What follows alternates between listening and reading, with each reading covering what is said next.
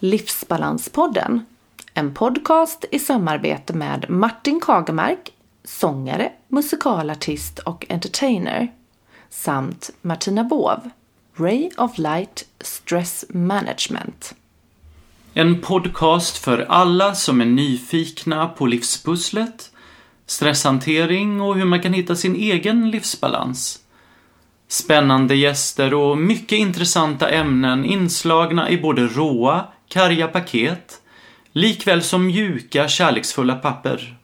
Hur ska vi leva våra liv i balans i en samtid som ständigt påminner oss om förbättringar, effektiviseringar och jäkt för att få vår viktiga livsbalans?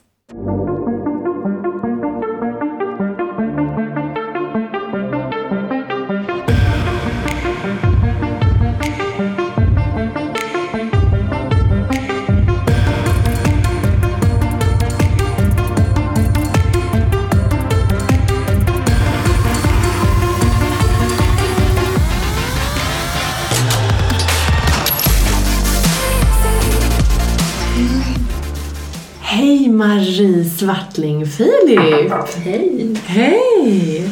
Eh, du har en magister i arbetshälsa med inriktning beteendevetenskap vid Karolinska institutet och är lärare i mindfulnessbaserad stressreduktion, MBSR och mindful self-compassion, MSC. Du är också instruktör i NIA och qigong och du har en gedigen yrkesbakgrund inom arbetslivsinriktad rehabilitering. Och du arbetar även som integrativ coach, föreläsare och stresspedagog. Mm. Välkommen till Livsbalanspodden Marie. Tack så hemskt mycket. Vem är du Marie som person och hur skulle du beskriva dig själv? Mm, ehm, jag är ehm, en ganska reflekterande person och inkännande och ehm, jag kan nog upplevas som väldigt lugn och det är jag i de flesta lägen men eh, bara för att man är lugn på ytan så behöver det inte vara att man är lugn jämt. Så även jag kan eh, känna ganska mycket stress inombords många gånger. Eh, och det är ju någonting som jag har jobbat med ganska mycket. Mm. Jag har mycket integritet tror jag. Och ja, som person. Men jag är ju liksom, jag är, jag, jag är ju en människa som, som tycker om människor och att hjälpa människor. Att se människor utvecklas och så vidare. Mm. Ja. Jag gillar också liksom glädje och ha kul och, och så. Det är viktigt. Mm. Liksom släppa taget. Vara lite barnslig sådär. ja. Det är härligt. Det är härligt. Att vara barnslig. ja, nej. Det, har, för det har ju vi varit idag, Martina. vi är bra på det. Vi är faktiskt och släppa loss. Ja. Ena stunden så är vi väldigt seriösa och sen så släpper vi loss och är ja. galna. Klackarna i taket. Klackarna i taket. Att liksom inte ta allt så blodigt allvarligt hela tiden. Exakt. Lite lek och glädje. Ja. Mm. Viktigt. Befriande. Väldigt viktigt. Mm. Ja, det blir lite befriande. Och... Mm. Mm. Hur kom du in på arbetet med mindfulness och Ja. MBSR? Och vad var det som var det avgörande för dig? Mm. Det är såklart en ganska lång resa tillbaka, eller vad jag ska säga. Ehm, jag har ju jobbat i helt andra branscher från början men, men ofta är det ju någonting i livet som blir en vändpunkt liksom. En kris eller ja, någon, någon livshändelse sådär. Och för mig så var det så att, att eh, jag drabbades av, eh, ja vi kan kalla det sjukdom kanske, men eh, jag fick borrelia, alltså ett fästingbett. Och ehm, märkte inte det i början. Jag, såg, jag såg det aldrig hända. Så att det, det var ju under en lång tid. Och även om fästingar är väldigt små så vet vi ju idag att de kan göra väldigt stor skada. Så jag hade ju det där fästingbettet utan att liksom se det men märkte ju vissa symptom och sådär. Men det utvecklades så småningom till neuroborrelia då med hjärnhinneinflammation och så vidare så att jag var ruskigt, ruskigt dålig utan att det här fick jag ju veta långt senare vad det var. Mm. Så i början var det ju liksom massa olika symptom som blev värre och värre och kroppen började dona bort delvis och jag hade väldigt värk i huvudet och olika saker. Eh, den där känslan av att vara på en middag och folk trodde man hade druckit för mycket. Liksom. Tappa bestick, tappa saker på golvet, snubbla. Eh, jag var riktigt dålig. Och då um,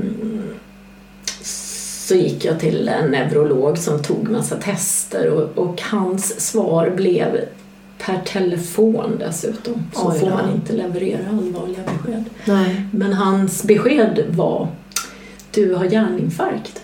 Nej, först var det du, sitter du ner? Ja. Mm. ja, det är så här, nu har jag fått svar på dina prover och det tyder på hjärninfarkt. Och då var jag kanske 33, 34, 35 år, jag kommer inte riktigt ihåg. Så det är liksom nästan, ja, det är nästan 20 år sedan hade små barn och så vidare. Så jag, jag, och jag visste inte vad det innebar. Så det var ju liksom väldigt allvarligt besked för mig och en väldigt allvarlig diagnos när man är ändå hyfsat ung. Eh, men eh, då, då fick jag något annat fokus i livet liksom. Ehm, för jag skulle få en tid med den här läkaren efter någon månad så jag gick där en månad utan att veta egentligen så mycket om vad får jag veta när jag kommer till doktorn? Vad är det här på riktigt liksom? Vad är det som gäller? Och dels så blev jag väldigt medveten om att det är nu jag lever. Och jag blev väldigt medveten om vad är viktigt i livet och vad är totalt oviktigt i livet. Och det var väldigt lite som var riktigt viktigt, viktigt på riktigt. Liksom. Mm. Och det fokuserar jag på då och det var ju framför allt att vara med mina barn och min familj. Det är ju så, det är ju kärnan. Eh, hur som helst eh, så fick jag liksom någon sån där ändå kick av det att nu lever jag och då ska jag leva liksom. Mm. Sen visade det sig då att det var ju inte mm, så allvarligt vilket var en stor lättnad utan det var borrelia med eh, hjärnhinneinflammation och så vidare och det gick att behandla med eh, antibiotika.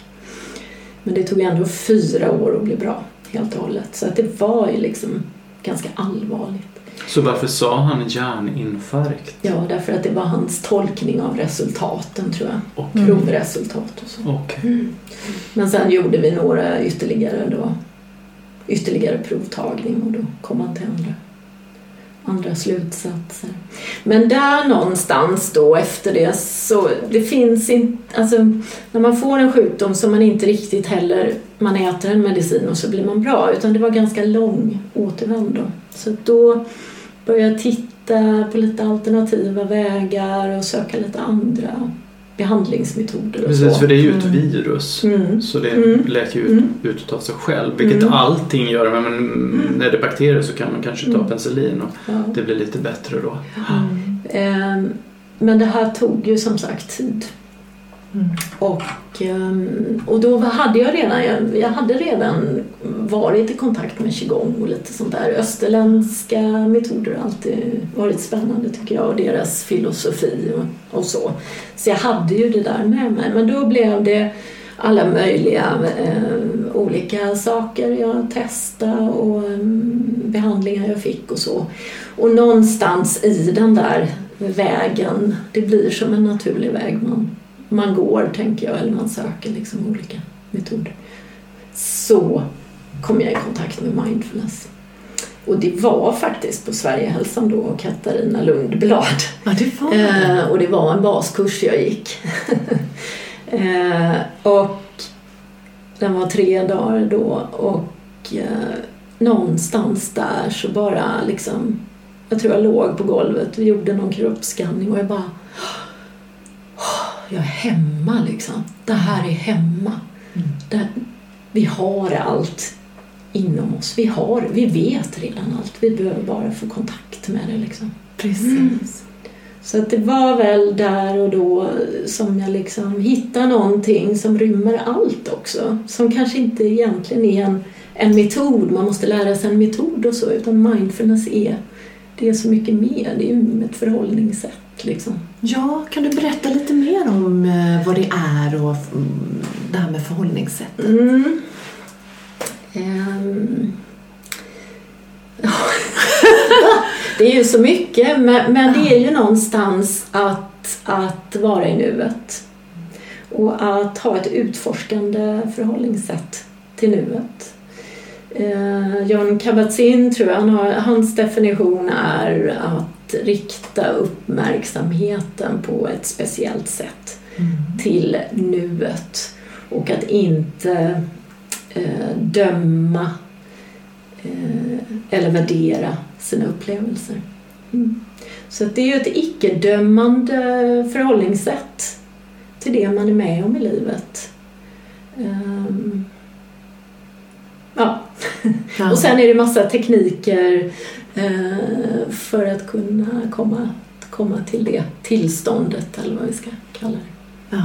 Det är rätt intressant för jag menar när man bara är Mm. så dömer man ju hela tiden Mm. någonstans. Att Mm. nej, men nu känner jag så Mm. och nu är det så. Och, eller hur? Mm. Känner inte du lite så Martina ibland att man gör det? Absolut. Att man men inte bara är utan Ja. att döma. Jag tror att det här är någonting som jag har jobbat med väldigt mycket Mm. inuti mig själv tror jag. Ehm, att försöka att inta ett icke-dömande förhållningssätt Mm. till saker och ting. Och då blir det automatiskt att man fyller på med de andra olika förhållningssätten som då är mindfulness Mm. betraktelser egentligen. Mm. Som till exempel att vara nyfiken, ehm, ja, icke-dömande. Alltså börjar man med en sådan del Mm. så är det väldigt lätt att det andra faller på plats också. Mm.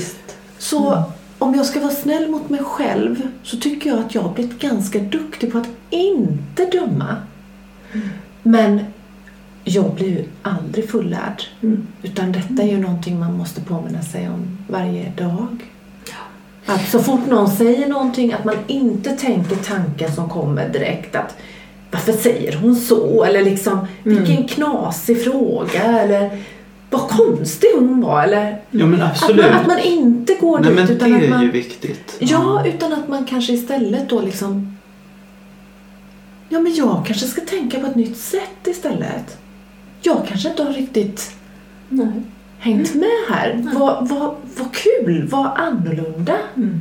Den här människan kanske kan lära mig någonting om, om livet Mm. istället för att Nej men, vad är det för något galet? Det där är Mm. si och så. Mm. Sådär, att man tar in och försöker lära sig mer och inte är så motståndsbenägen kanske. Mm. Jag vet inte.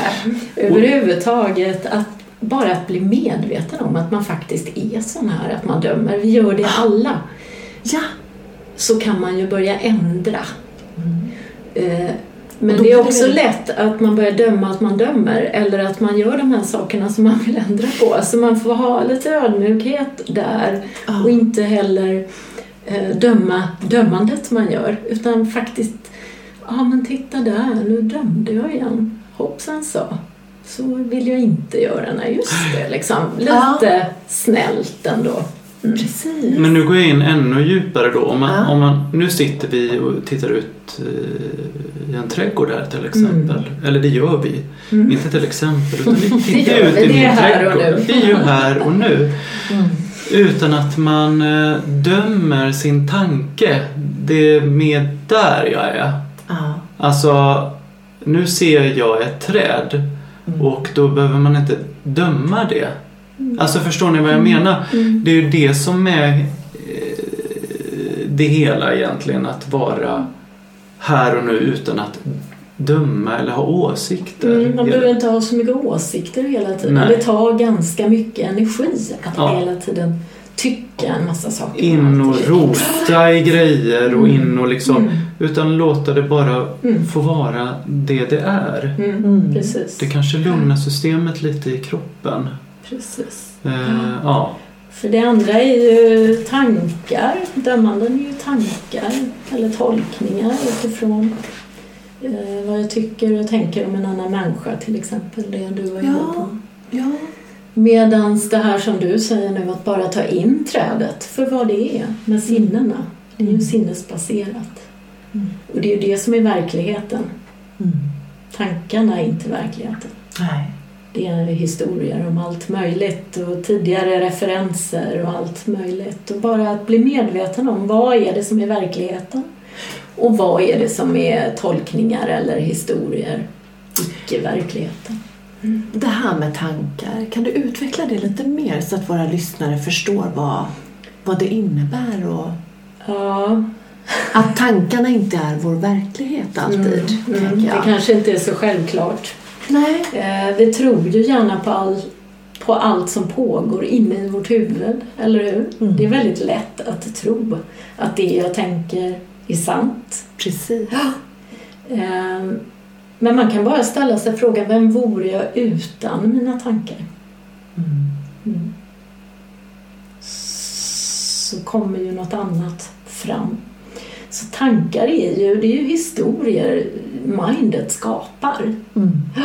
Och den, eh, eller den, mindet skap, hittar ju på väldigt mycket. Ehm, Det är ju som liksom en, en bio som pågår hela tiden egentligen. Och det mesta är dessutom samma tankar vi tänker varje dag. Jag läste någon siffra på det där och det är väl inte så, så viktigt men det är ju någonstans kring 80-90 procent som är recycling liksom, av tankar. Ja, är Vi helt... tänker, det är ungefär samma saker som, som rör sig i, i våra huvuden varje dag.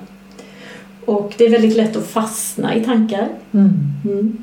Kanske grunna på ett problem. Och det kan vara samma problem därför det är mitt livsproblem. Så jag tänker på det varje dag. Hur ska jag lösa detta eller hur ska jag göra det lättare för mig? Mm. Och då, kan, då påverkar ju det vårt tillstånd eller skapar en känsla som kanske är ganska negativ. Mm. Så att våra tankar styr ju så väldigt mycket egentligen hur vi mår. Mm. Så om vi kommer till insikt om att tankarna inte är verkligheten. Det är bara någonting som en bandspelare som pågår inne i, i mitt huvud. Eh, utan det där trädet utanför, det är verkligheten. Då kan vi liksom öppna upp och se verkligheten som den är. Mm. Och många blir ju rädda när de tänker Mm. så här och Mm. att men gud, det jag tänker, är inte det rätt längre? Mm. Och ska jag inte Mm. tro på mig själv längre och Mm. min Mm. självinsikt? Mm. Och det, det rubbas ju lite Mm. liksom om man Mm. börjar gräva. Ja. Och det är ju viktigt att eh, eh, utforska andra saker och ting i livet. Att man är ute och reser eller träffar lite nytt folk och att man, ja, man gör lite andra saker liksom i livet som Mm. gör att det utvecklas och inte gror in liksom i de här gamla slentrianmässiga tankarna. Ja. Mm. Ja, vi är ju lite så, eller inte bara lite, men vi är predisponerade för att skanna av det negativa Ja. omkring oss. Det är en överlevnadsfunktion vi har. Så det du säger att liksom eh, ge sig ut och lite mer söka det som är glädje, det som är behagligt och så. Därför att det hamnar lite lättare i skymundan. Det får vi liksom lite mer aktivt söka själva. Medan det där negativa, det är ju hot och faror. Det triggar ju liksom igång hotsystem och eh, är det en trygghet då, menar du? Hot och faran att stanna kvar? Nej, vi, vi är liksom skapade, vi har ett nervsystem som är skapat för att hela tiden skanna av faror Mm. så att vi ska överleva. Eh, och eh, hot och faror vi ser. Alltså vi, vi hittar alla hot och faror omkring oss hela Mm. tiden. Vi är jättebra på det. Men vi behöver liksom medvetet förstå att det är inte så farligt. Nej. Nej. Och sen istället satsa på det som är lite glädje också. Behagligt. Glädje till exempel eh, aktiverar det andra systemet, lugn och ro-systemet. Så att eh, jag tyckte om det där. Vi behöver ge oss ut och resa och upptäcka andra saker. Bara det här att bryta mönster och upptäcka andra saker. Exakt. Göra nya saker. Och det För att inte bryta vara de här mönstren. Och det behöver inte vara att man reser för folk kanske inte har pengar till att resa. Men Det är inte det man, jag menar i alla fall utan det handlar mer om att vara lite mer äventyrslustfylld. Att Mm. ja, Mm. skapa någonting annat ibland. Mm. Eh, ja. Men sen så finns det ju de som kanske inte mår jättebra som kanske har lite problem med att skapa den här Mm. känslan. Mm. Och då tänker jag att då är ju faktiskt mindfulness kan ju vara en jättefin hjälp på vägen. Mm. Att liksom istället för att resa iväg och träffa massa folk och få input därifrån. Ja, men lära sig kanske gå in i sig själv och hitta vad man eh, tycker om och Mm. lära känna sig själv på ett annat sätt. Absolut. Eh, Vi är ju väldigt styrda utifrån liksom, hur man ska vara och vad är normen och um, kraven och allt man ska leva upp till. Hur man ska se ut och ja, allt, allt, allt. Så att, att börja gå lite inåt och bli lite mer inifrån styrd och få kontakt med mig själv. Det är ju jätteviktigt. Det är en väldig obalans där. Många gånger. Mm. Och att svaren finns där inne hos en. Mm. Det folk inte riktigt medvetna om. Nej. Att man har ju faktiskt svaren själv många, många, många gånger. Mm. Och man känner nog om det inte står rätt till i kroppen också. Bara om man låter det, de eh, chakran då man pratar om det, öppna sig liksom. Mm. Mm. Att bli vän med sin kropp och börja lyssna på sin kropp. Att bli medveten, alltså att våga känna kroppen. Ja. Och att, att börja faktiskt eh, lyssna på den och, så att kroppen känner sig hörd. Det är någon som lyssnar på mig. ja, precis. Då kan man ju stoppa väldigt mycket på ett mycket tidigare stadium också. Har du något bra tips på hur man skulle kunna göra om man aldrig har gjort någon mindfulnessövning? Finns det någonting man kan Ja, göra själv? det-. Det finns ju så mycket olika övningar naturligtvis ifall det är det du tänker. Ja, precis så. Men, men en övning är ju kroppsskanning där man skannar av hela kroppen och går igenom eh, hur det känns.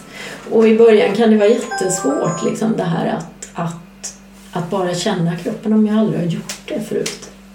Så hoppsan, liksom, då kanske man tänker att man är i, i kroppen. Men nu handlar det om att känna. Hur känns det? Vad är det för förnimmelser? Vad är det för kvaliteter liksom, i, i kroppen som jag känner just nu? Så att bara att börja bekanta sig så med sin kropp. Gående meditation tycker jag är en bra övning annars. Det här att, liksom att vara i sina fotsulor. Mm. Att känna fötterna liksom. Det kan vara en bra början och så att gå långsamt. Uh, utforska lite hur det känns när man går. Det är någonting som vi ofta gör väldigt fort. Så vi, vi, vi är inte medvetna om att vi går. Vi har lärt oss det och programmerat in det. Och det är ju, det är ju fine liksom. Vi kan ju inte tänka på hur vi går hela tiden. Men att stanna upp och gå medvetet och så känna fotsulorna. Fötterna är också så långt ifrån tankarna och huvudet man kan komma. Så det är en bra liksom, början för att komma ner i, i kroppen mer. Men det är ju rätt eh, intressant det där för när man är i Stockholm, inne i city, Ja. då, jag brukar gå medvetet lite saktare och folk blir ju så jädra irriterade. Mm. Mm. Och, eh, men jag gör det medvetet för att eh, komma ner i varv själv. För att jag känner att det är ju alldeles för stressigt inne i Stockholm city. Det, det är någon kraft som gör att alla bara springer. Ja. Det, det, det är eh, som en, eh, en sjukdom där inne liksom. Där alla smittas av varandra. Ja, ja, ja. Mm. Det är Lite. ett smittsamt tillstånd. Ja. Mm. ja, men visst. Direkt när man Det- kommer av, eh, går ur bilen och så brrr, det är någonting där inne. Det är en energi som... Och om man nu då... Om vi alla går lite, lite saktare så kanske vi sm- smittar dem Mm. snabba på ett annat sätt. Mm. Ja, så, så tänker jag i alla fall. Ja. För jag vill inte smittas av det. Nej. Försöker göra lite motstånd. Mm. Gör ni det när ni är inne i Ja, Stockholm city? jag kan göra det ibland. Vi kanske ska starta en motståndsrörelse. Ja. liksom. Ja, precis. Går väldigt långsamt. Banderoller och skyltar. Ja. eh, Gå sakta. Mm. Nej men ni förstår vad jag Nej, menar. Det, det, det är lite sjukt och det är... Mm. Jag känner ju inte det riktigt när jag är typ i min hemstad Värnamo. Det gör jag ju inte för där kan jag ju gå sakta och någon går snabbt. Och Mm. Klart man har bråttom ibland, det är ju inte det. Men det är just det här. Mm. Om man inte har bråttom så måste jag ju inte gå jättefort. Mm. Nej. Utan bli lite mer medveten om... Och bromsa in. Det är som att, eh, som att bråttom är ett normaltillstånd. Ja. Vilket det ju inte är. Nej. Exakt. Mm. Ja. Det vet jag, så kände jag ju väldigt mycket när jag, eller innan jag förstod att jag blev stresssjuk utav det. Mm. Att jag var ju nästan stolt över att jag alltid gick snabbt. Jag gjorde allting Mm. snabbt. Mm. Jag hade alltid tankarna framåt. Just. Ehm, så att när jag blev eh, stresssjuk då, då blev det ju en helt annan... Mm. Alltså jag fick ju lära mig att leva livet från början på rätt sätt. Mm. Och tänka att nu ska jag göra allt långsamt. Mm. Och jag får skita i om folk blir irriterade för jag hade blivit jätteirriterad på sådana som mig innan. Mm. Men jag fick ju liksom bara strunta i det att nej men alltså då är jag sån här nu. Och det du säger att du gick snabbt och att tankarna var långt där framme. Ja. Det är ju också, det är ju typiskt. Vi, vi är hela tiden liksom i framtiden och planerar framtiden. Ja. Men vad är framtiden eller vad är sen? Det finns ju inte egentligen. Utan det är ju bara nu som finns. Sen behöver vi såklart planera lite grann men vi har ju ett väldigt fokus där framme många gånger. Sen ska jag, sen, sen, sen. Ja. Och många gånger kan man ju också uppleva tvärtom tänker jag att man lever i dåtid och kanske Mm. återupplever kanske saker som inte har varit sådär Mm. jättepositiva så. Mm. Eh, Ältar till Ältar, exempel, ja. gamla minnen. Ja. precis. Som inte ens är här längre. Med all respekt för att vi har gått igenom jobbiga saker. Men, Ja. men att, att vara för mycket i dåtiden Mm. och försöka... det förändrar inget. Nej. Vi bråkar mer med det som har varit. Vi bråkar med verkligheten på något sätt. Ja.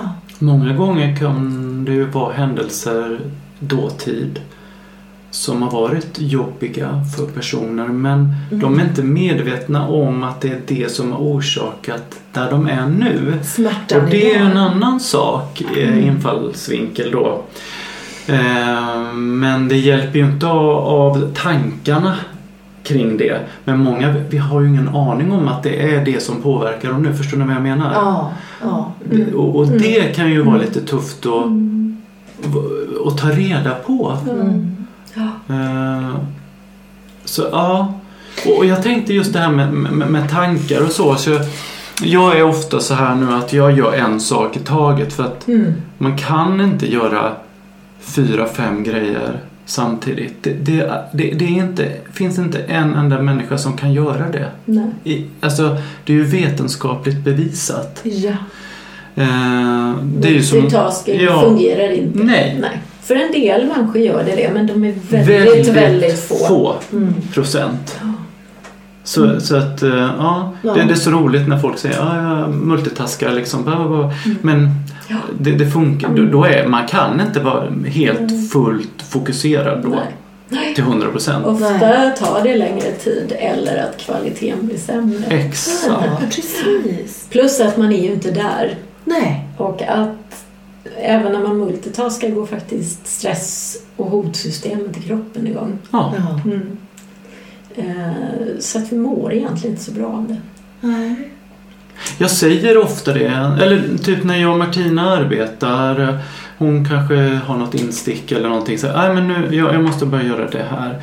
Så att man, eh, att man vågar säga det. Att, Mm. nej men nu gör jag det här. Mm. Utan att det blir någonting negativt. Mm. Jag tror det är viktigt att man bara är, är ärlig liksom. Mm. Sätta mjuka gränser Ja, kan man göra. precis. Ja.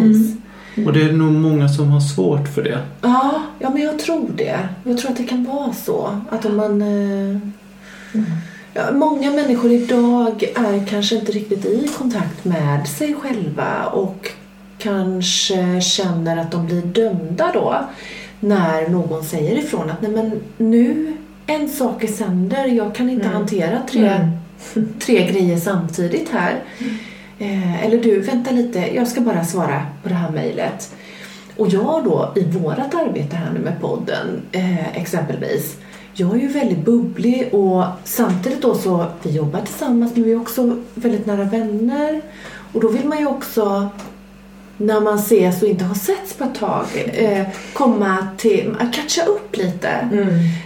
Och då kan du ju säga till mig ibland, och det är jättebra för Mm. då får jag ju tänka till. Mm. Att men stopp Martina, Mm. nu behöver han en liten stund och, Mm. och liksom bara göra klart det och, Mm. och så. Men där kommer vi också in på kvinnligt och manligt. Ja, Och det har vi ju pratat mycket Ja. om och vi vet inte om det stämmer. Nej, det vet inte jag. Och, och jag märker det i olika sammanhang, i olika grupper att... Du menar att det inte bara är jag? Nej, precis. Eh, nej, för sån kan jag också vara, precis som du. Så att jag vet Ja. inte om det är manligt och kvinnligt. Men må, i många grupper och i sammanhang så är det väldigt eh, eh, pratigt när det gäller kvinnor och det diskuteras väldigt, väldigt, väldigt mycket. Medan Mm. män inte riktigt gör det. Men det stämmer inte riktigt heller. Så att jag kan inte säga manligt och kvinnligt. Men jag jag vet att det är en öppen fråga. Jag, jag, Jag tror vi tar oss an livet på olika sätt Ja. eller? Ja. Vad skulle du säga Ja, alltså jag är ingen expert på manligt och kvinnligt sådär direkt. Mm, Men vi har ju olika mönster med oss tänker jag också. Att, att kvinn... Det kanske inte riktigt har med det här att göra, jag vet inte. Men liksom kvinnor är ju mer ja, omsorg om allt och alla någonstans. Vi är som bläckfiskar som ska vara- till för alla och göra väldigt mycket samtidigt. Medan män kanske är mer, eh, de gör en sak i taget. Eller har bättre förmåga där. Jag vet inte om det hade med det här att göra. Nej, egentligen inte. Men det är ändå intressant för att just med mindfulness och sånt och Mm. eh, att det är mer kvinnor som är i de tankarna Mm. och vill, eh, eh, går på olika kurser och utför det här. Det är inte så mycket män. De vågar sig liksom inte riktigt. Nej, frågan är liksom vad Ja. är hindret eh, för Ja. män, så att säga? Exakt. Är det vågar, som du sa, eller är det att de inte har samma behov? Eller vad är hindret? Ja, liksom? vad är det? Precis, och Kvin, kvinnor är ju, tycker jag, väldigt nyfikna på något sätt och söker mycket olika aktiviteter för inre lugn på ett annat sätt. Nu blir det väldigt generaliserande Ja. här, Ja, så det blir är, det ju. det Men det är inte sant helt. Men, Mm. men, ehm, Men jag kan bara gå till mig själv. Att jag har ju valt yrken där det är väldigt mycket kvinnor. Ja, kurser där det är bara kvinnor. Och jag har ingen aning om vad, vad beror det på liksom. ja. Eh, är jag en kvinna? Jag skojar.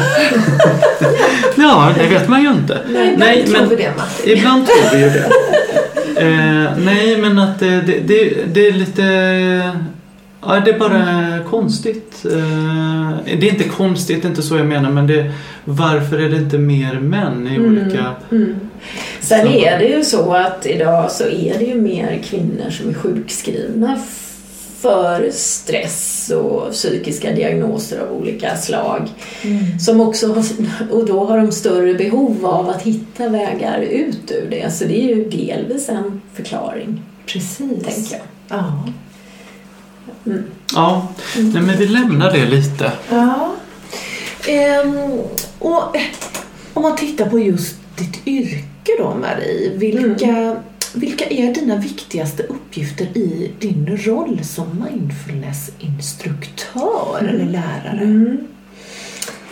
Ehm, ja, det är ju väldigt mycket det här vi har pratat om att eh, på något sätt höja människors medvetenhet, tänker jag. Och att, att människor som vill gå en mindfulnesskurs eller som jag coachar på något sätt, att börja titta inåt och att hitta sina egna resurser på olika sätt.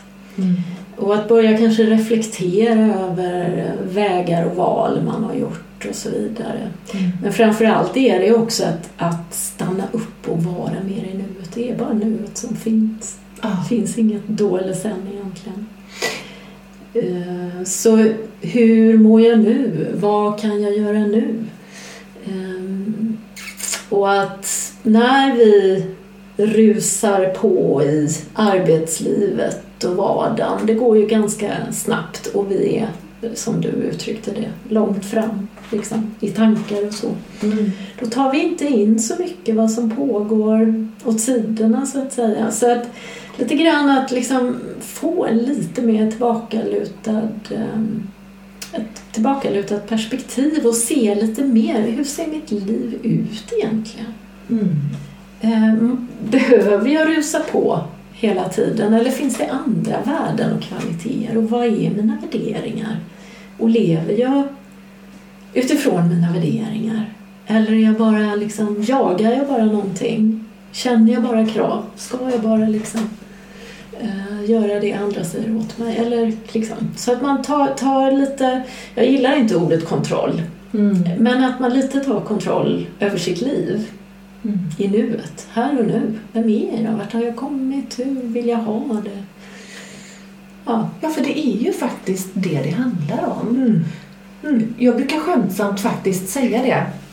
Att om man, många gånger när man är kanske då lite stresspåverkad eh, så handlar väldigt mycket om innan man har kommit till insikt om att man kanske är sjuk Mm. eh, så handlar väldigt mycket om att man hela tiden försöker kontrollera saker genom att ligga steget före, Mm. att skynda sig, lägga in en växel till och så Mm. vidare. Mm. Och ja, nej, men när man... Och hur länge går det? Det går ju förr eller inte senare att ha den taktiken. Precis! Mm. Och när man då inser att ja, men jag, jag tycker om att ha kontroll. Men när man förstår att jag kan kontrollera mina tankar. Mm. Jag kan kontrollera min kropp, Mm. mitt system. Jag Mm. kan. Mm. Jag har med mig det hela tiden. Jag kan kontrollera mig själv. Att det blir en positiv sak för sådana som tycker om att ha kontroll. Mm. Men som Mm. har tappat Precis. den på vägen. Just det. Just det. Att Vi det- jagar den där kontrollen. Ja, och har inte liksom Och så är den här hela tiden. Precis! Det är det som är så häftigt tycker jag då med, med eh, Mm. mindfulness. För det upptäckte ju jag då under utbildningen när, när vi gick eh, hos dig. För du har ju varit vår lärare Mm. i mindfulness. Mm. På Sverigehälsan, På ska vi säga. Sverige i skolan då under vår utbildning. Sen kan man ju man kan kontrollera sig själv till viss del. Man kan inte kontrollera allt såklart. Men sen kan man ju inte kontrollera världen där utanför. Och det är ju det ofta som är kampen. Att jag försöker liksom kontrollera saker som jag kanske inte kan styra över. Och att bara, bara få den insikten och, och att lite, lite, lite börja eh, träna sig att släppa taget om vissa saker. Och att, och att mer kanske, tänker jag, eh, vara lite mer spontan. Ja. Var tog den där spontaniteten vägen egentligen? Ja. Det är väldigt, många i alla fall, väldigt uppbokade hela tiden. det finns inte så mycket utrymme för det här spontana som ju är livet. Att liksom låta livet visa mig saker och ting. Som att vara på den där resan du pratade om i början. Mm. Ja, men liksom lite ny, lite nybörjarsinne och, och ja, vad är det som händer nu? Spännande liksom. Ja. Jag tror ju ofta då på tankens kraft och att man kan på något sätt påverka.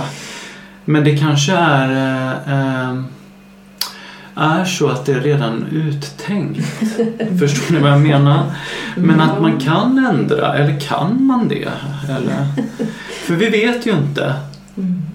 Men jag tror ändå att tankens kraft och affirmationer det är ju väldigt bra sätt att bli mer positiv. Mm, I ja, ett tankarna. sätt att arbeta med sig själv och sina tillstånd, absolut. Mindfulness är ju inte tankens kraft och aff- affirmation egentligen. Nej. Vad är... Men, utan det är ju faktiskt mer att bara möta det som är. Precis. Mm. Och då finns Men det behöver inte vara en motsättning. Nej. Men det, Nej. men det är inte, vi ska inget, det finns inget att uppnå. Nej. Vi ska ingenstans. Det är Vi det ska som är möta skillnaden. det Mm. som kommer. Ta reda på hur det är, observera vad som händer i mig. Och så, och så det där icke-dömande Ja. förhållningssättet som är svårt eh, om man kanske är van att ha mycket åsikter och fördomar eller framförallt kanske elaka tankar om sig själv eventuellt. Precis. Och inom mindfulnessen så finns det ju faktiskt några guidande förhållningssätt. Mm. Kan inte du berätta lite om det? För Mm. det tyckte jag var så spännande. Du tänker de här sju eh, olika attityderna. Jajamän. Mm. Ja. Vi har ju pratat om det här med nybörjarsinne. Precis. Eh, Att vara ny, att se eh, en upplevelse som att man faktiskt, det här är ju med om för första gången. För vi har så mycket filter med oss och fördomar eller tankar om hur saker och ting kommer bli. Mm. Att vi kanske missar hur det, hur det egentligen blir när vi är där. Ja. Vi tar väldigt mycket för givet liksom. Mm. Eller när vi gör en kroppsskanning genom kroppen så jag har alltid ont i höger knä så det har jag väl nu också. Nej men det Mm. kanske jag inte har. Och att vara lite ny och upptäcka Ja, idag känns det lite annorlunda än igår. Det betyder att det faktiskt ändrar på sig. Att det inte är på ett visst sätt hela tiden. Mm. Precis.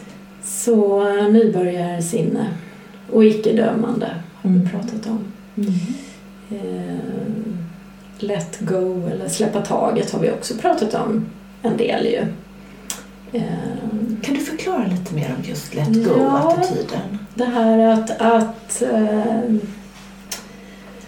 tankar eh, som inte gynnar mig eller när jag mår dåligt, mina mönster och så, och när jag märker att jag inte mår bra av saker, finns det då möjlighet att släppa lite grann? Den här kontrollen som jag måste ha, tror jag, på allting. Går det att släppa den lite? Som att man liksom, nu går det ju inte att se, men om man knyter en hand och eh, går igenom livet med lite kramp, att det måste bli på det här sättet och det måste vara på det här sättet. Och man bara släpper lite grann. Så blir det ju helt annorlunda. En, en eh, avspänning, avslappning. Eh, Ja, ja. men precis.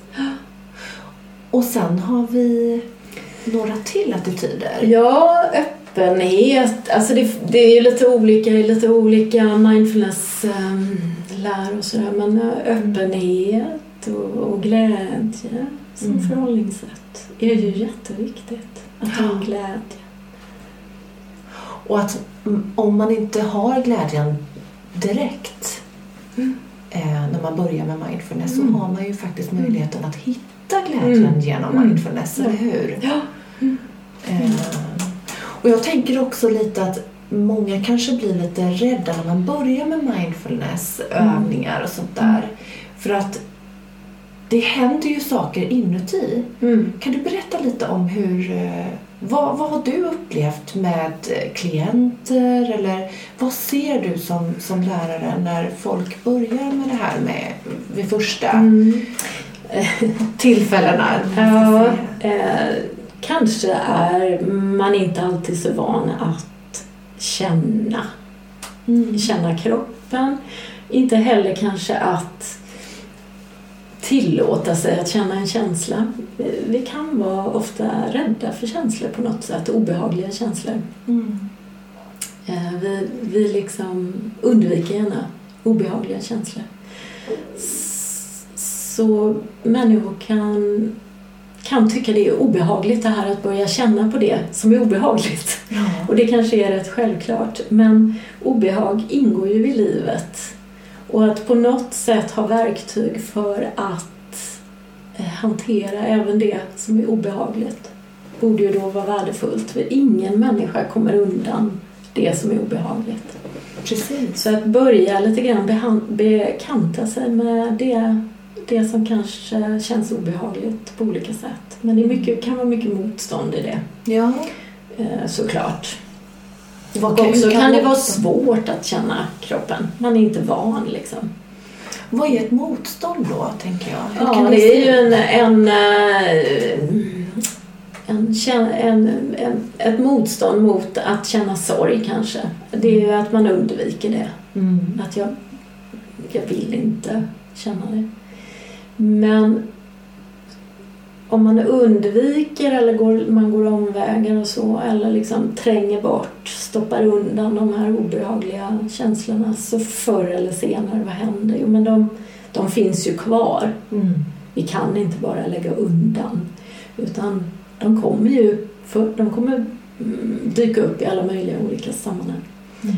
Och enda vägen eh, att lätta på det där trycket, lätta på känslorna, det är att tillåta sig att känna dem. Mm. Även om det är jobbigt. Men ofta när vi tillåter oss att känna någonting Mm. så kan det liksom släppa taget om oss. Mm. Finns det, kan du ge förslag på någon bra app, någon bra bok som våra lyssnare kan ta till sig Mm. det här på ett, Mm. ett lätt sätt Mm. och bara kanske börja? Mm. Mm. Ehm, appar finns det ju mängder egentligen. Själv har jag, för det är ju inte kvantitet liksom, det gäller ju att Nej. hitta någonting och sen göra det. Det är ju eh, det är ett överflöd av allting liksom. Mm. Men ehm, jag tycker väldigt mycket om den här som heter Mindfulness-appen. Eh, det finns en blå och en grön tror jag. Mm, väldigt bra med många olika övningar och eh, tekniker. Är det någon särskild övning som du skulle rekommendera om man är helt grön och ny på det här? Jag tror ju ofta på att börja med kroppen. Mm. Alltså de lätta övningarna, kroppsskanning. Lätt, nu säger jag lätt, det är ganska ohyfsat av mig för det är inte, jag, med all respekt, inte lätt. Men, men de är liksom konkreta, att känna kroppen. Ja. Så kroppsskanning, Ja. övningar. Ja, Ja. och eh, kanske bara att börja känna sin andning. Andningen är ju en... eh, Andningen har vi ju alltid med oss. Så att ha tillgång till att känna sin andning Mm. och använda sig av sin andning i stressiga situationer, det är ju en stor, Mm. stor möjlighet, tänker jag. Så andningsmeditation och eh, kroppsskanning. Och en bok. Mm. Ehm, Det finns ju också hur mycket mindfulness-böcker som helst såklart och John Kabat-Zinn har ju skrivit väldigt många. Men jag tycker ju då, alltså en bok som har inspirerat mig nästan mest det är eh, Fri från stress med mindfulness av Katarina Lundblad och Åsa Palmkron heter hon.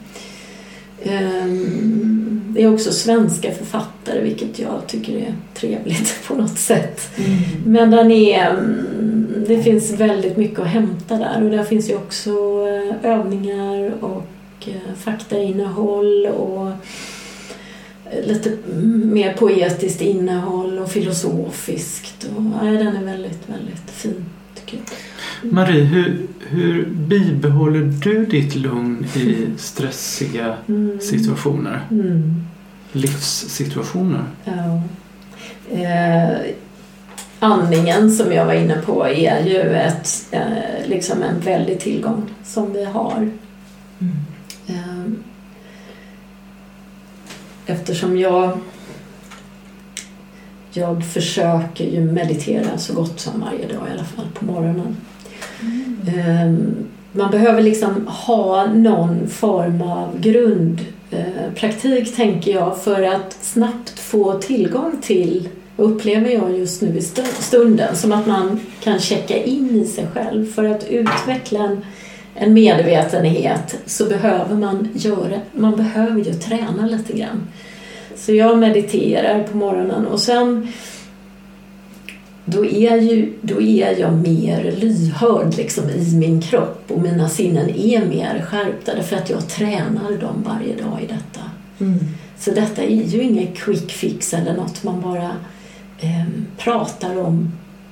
Gör lite mindfulness, mindfulness fungerar så här. Utan man behöver, det är ganska hårt arbete. Man behöver träna, göra de här olika övningarna. Men då ger det ju också utdelning i stressiga stunder. Därför att min kropp, jag lyssnar på min kropp. Den kommunicerar med mig och jag kan stanna upp och reflektera över vad är det som händer just nu. Men och hur allvarligt är det och så vidare. Men det blir lättare och lättare för ju mer åren går att uh, det är en färskvara men mm. att det är lättare mm. att komma mm. Det är som när man tränar och så kommer man tillbaka efter en, två veckor och så Eh, alltså mm. att det, det, är lättare med åren. Eller? Man har ju grunden ja, precis. om man har tränat. Precis, precis, precis. Och det är som vilken muskel som helst. Ju. Ehm, man går på gymmet och blir stark och sen så gör man uppehåll ett halvår då är man inte lika stark. Nej. Men sen hittar man ju rätt snabbt tillbaks. Mm.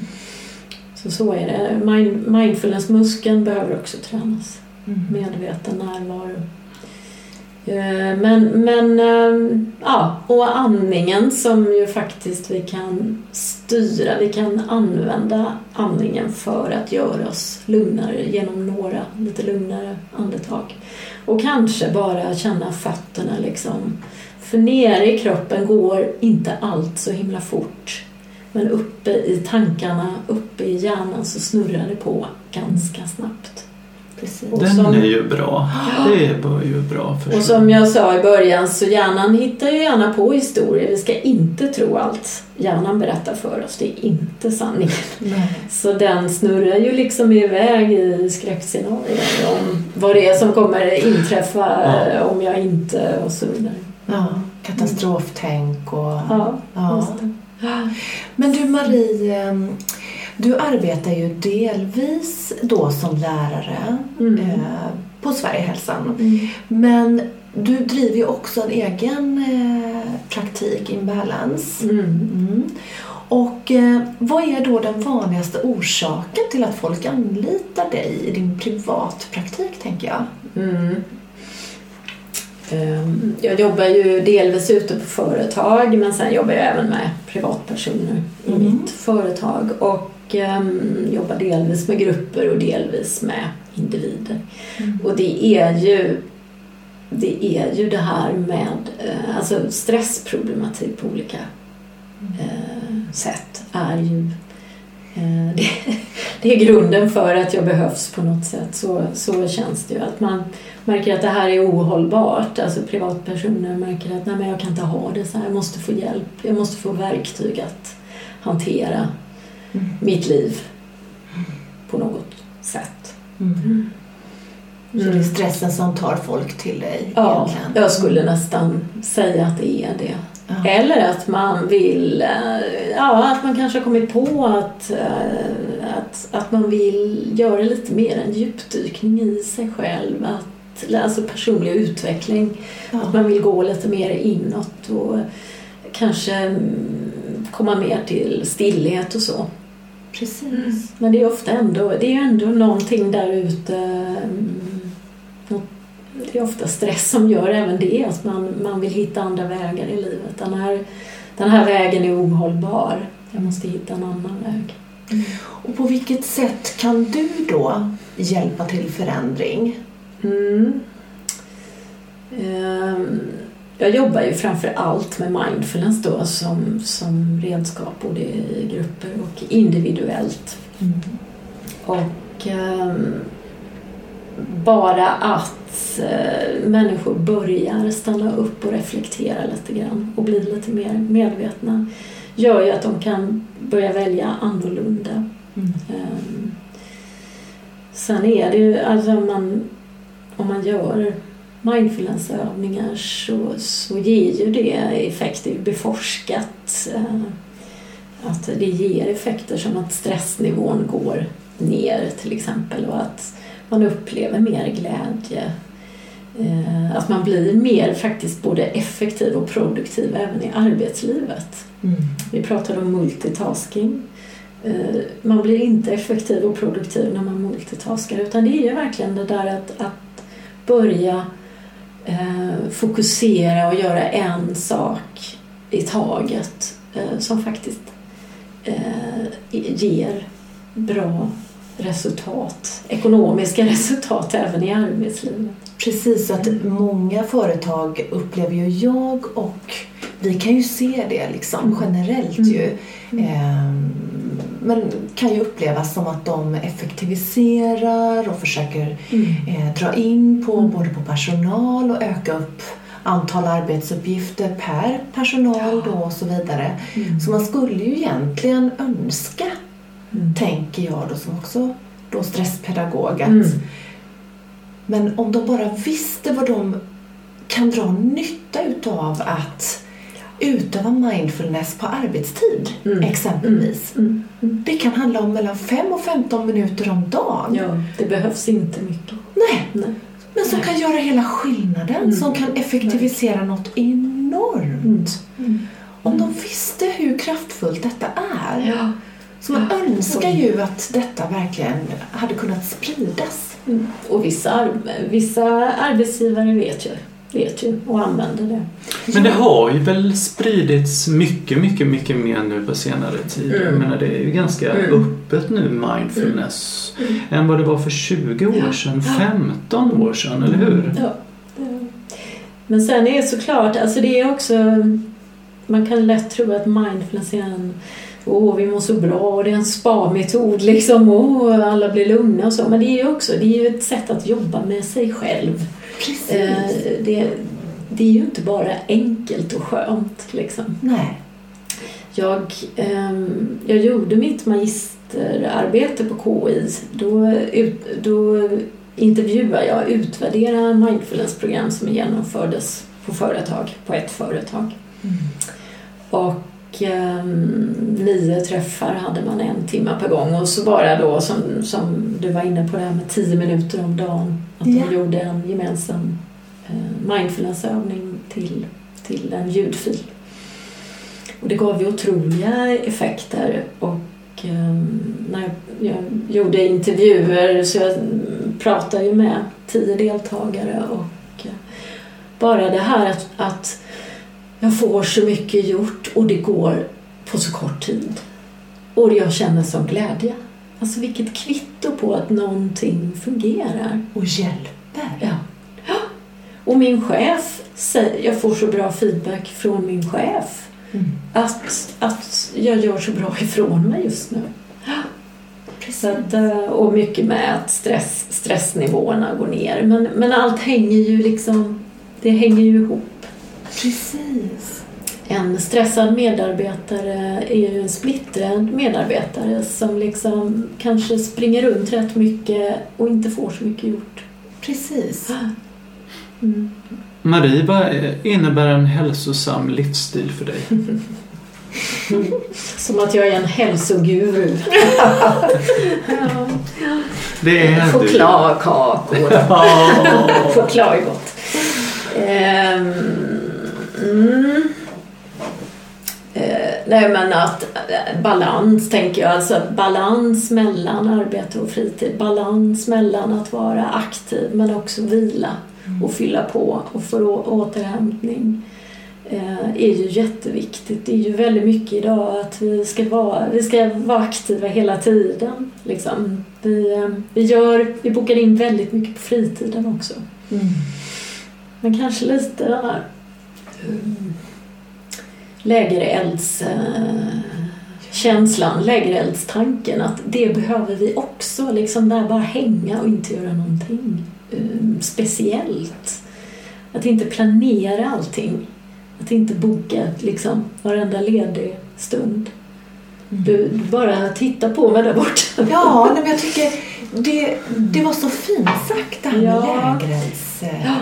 Man ser det verkligen framför sig. att, Nej, men, Jo men, ehm, åh. mm, nej, men lite sån här oplanerad tid liksom. Utrymme för livet. Att det, det får lite bli som det blir. Jag tror vi har, vi har någon sån här själv ehm, eh, förbättringsprojekt på gång hela tiden. Det ska, jag ska bli bättre, det ska bli bättre, min fritid ska bli bättre och jag ska göra alla de här sakerna.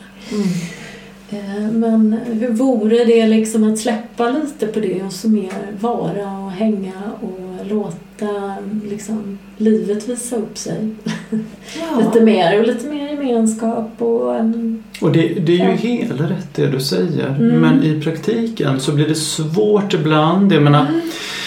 om man har en egen verksamhet till exempel. Mm. Då är det svårt ibland innan man har hittat helt kanske rätt. Mm. Eh, Man måste vara öppen för saker och ting och man har inte tider ibland. Och, Mm. eh, och sen så kanske det är någon som jobbar på en eh, kommun till exempel och de har tider från 9 till 5 och, och, och de har en fritid. Men då kanske de har barn och då ska... Alltså det är ju så mycket olika eh, begränsningar och olika liv hela tiden så att det, det är svårt men det är ändå en bra grund det du säger ju. Att vi Mm. borde tänka lite mer så. Verkligen. Även fast det ser olika ut. Mm. Ja, eh, att vi inte kan vara på jämt.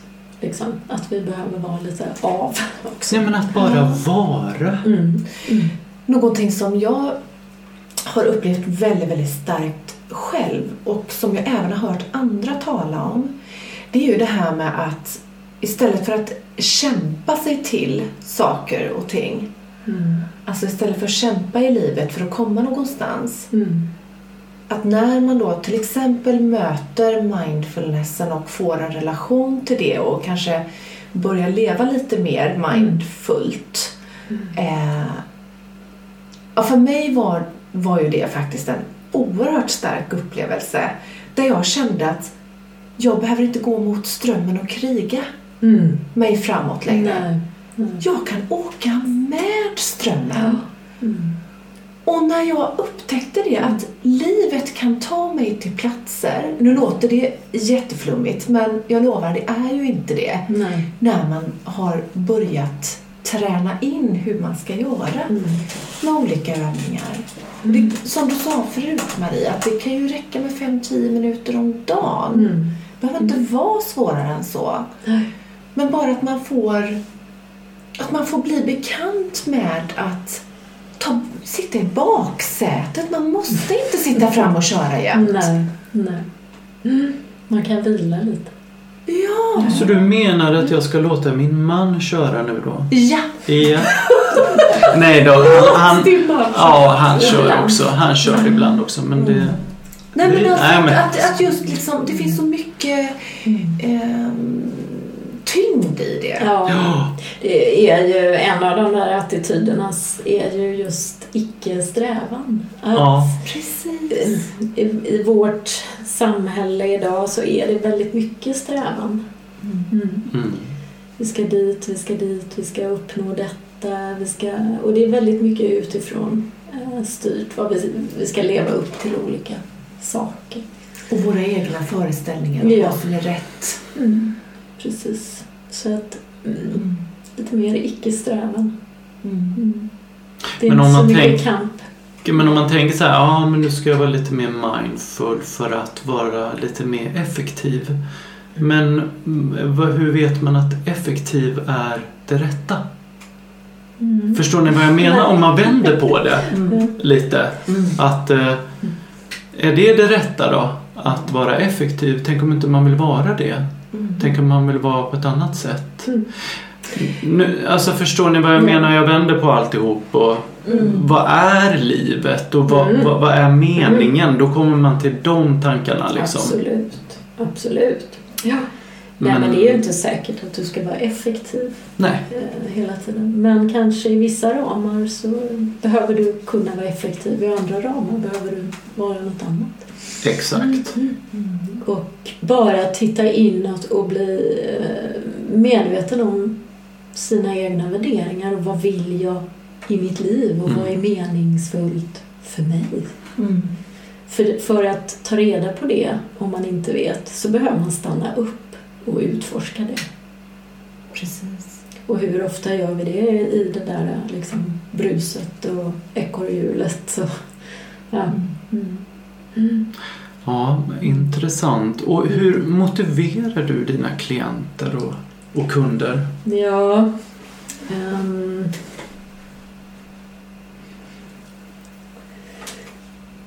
Alltså det, motivation är ju, det är ju på många olika plan men, men ehm, John, John Kabat-Zinn brukar säga You don't have to like it, you just have to do it.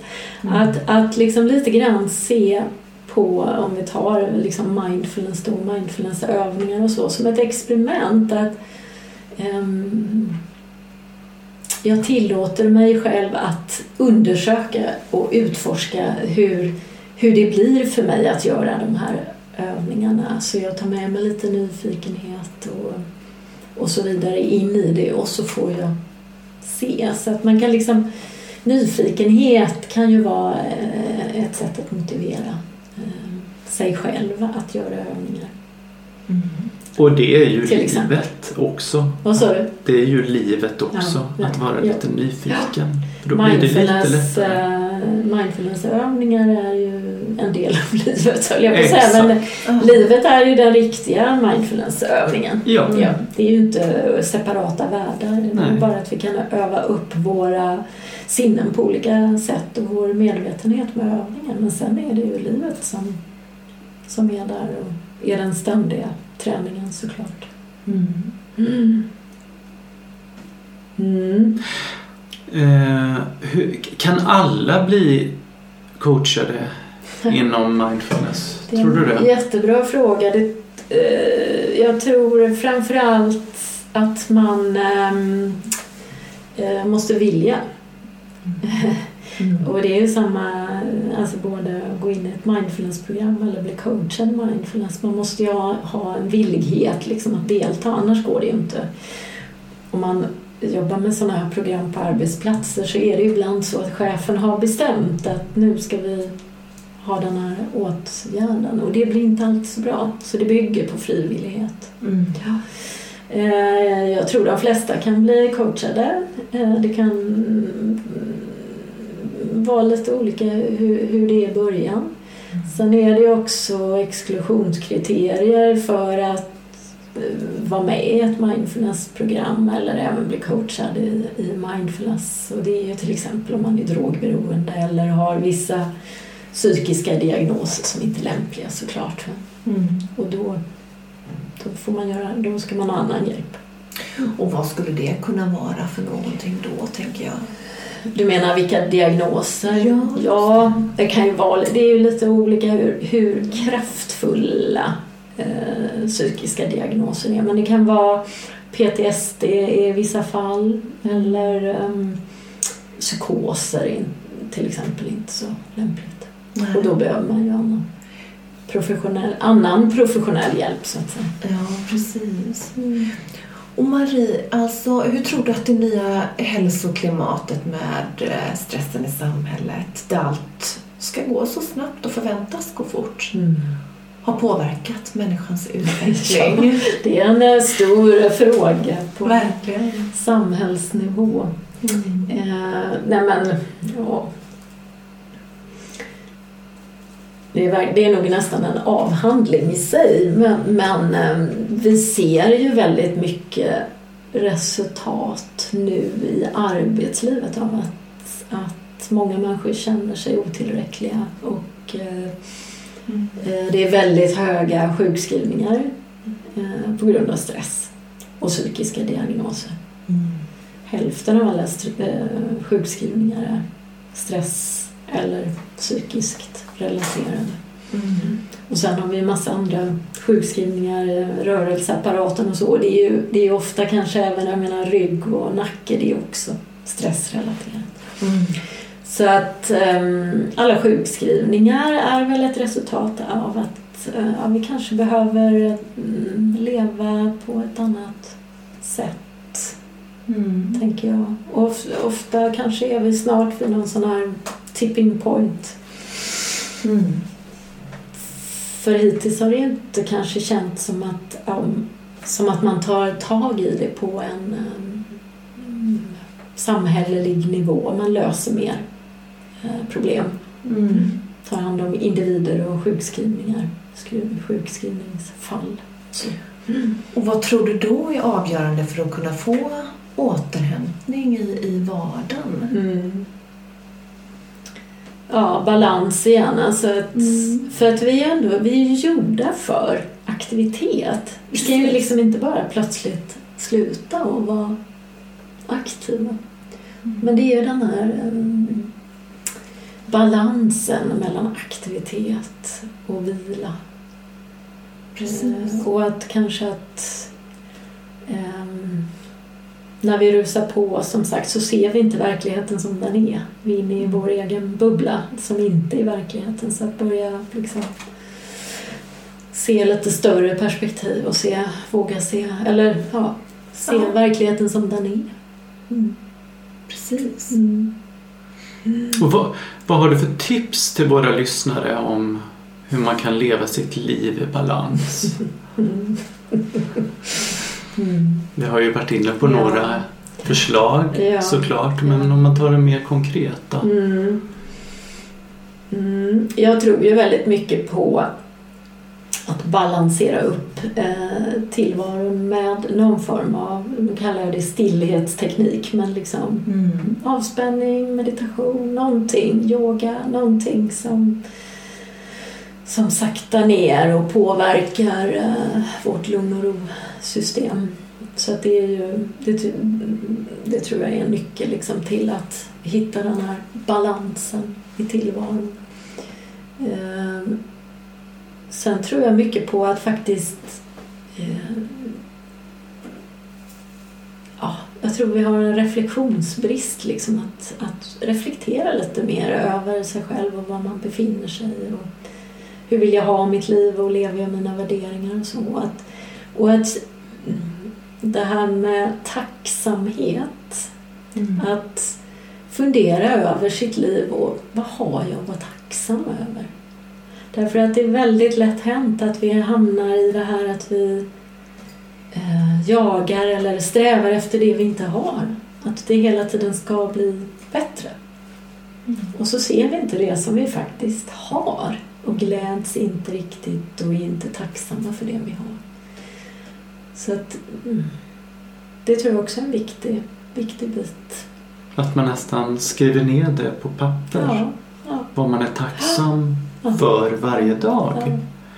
Ja, för det finns ju olika typer av tacksamhetsövningar som man faktiskt kan göra och det, Mm. det går ju att googla på också. Mm. Om man behöver en övning så finns det jättemycket att googla på. Ja, Men precis. Man kan bara skriva vad, vad, tre saker som har hänt idag som jag är tacksam för. Eller tre saker som jag har i mitt liv just nu som jag är tacksam för. Ja. Och det kan ju vara bara att, att jag har kaffe eller rinnande vatten. Alltså det behöver inte vara så stora saker. Nej. Nej, precis. Eller att kroppen fungerade idag med. Liksom. Ja. Benen gick dit jag ville. Och det ju ett under egentligen. Ja. Nej, Men, men, Men då ser- undrar ju våra lyssnare då, men vad hjälper det då? Ja, att skriva precis. ner det här? Ja. Man Ja. får ett annat perspektiv kanske på, Precis. på sitt liv. Mm. Och att, eh, för vi är mycket i vad vi vill skaffa oss och Mm. vad, vi, vad som inte är så bra just nu och hur det ska bli bättre sen och vad jag behöver ha och göra för att det ska bli bättre sen. Men sen finns inte som jag sa utan nu finns. Precis. Så att se det som jag har nu eh, kan ge en väldig tacksamhet men också tillfredsställelse, livstillfredsställelse. Vilket är egentligen eh, eh definitionen på lycka, livstillfredsställelse. Mm. Mm. Så lev mm. här och nu. Mm.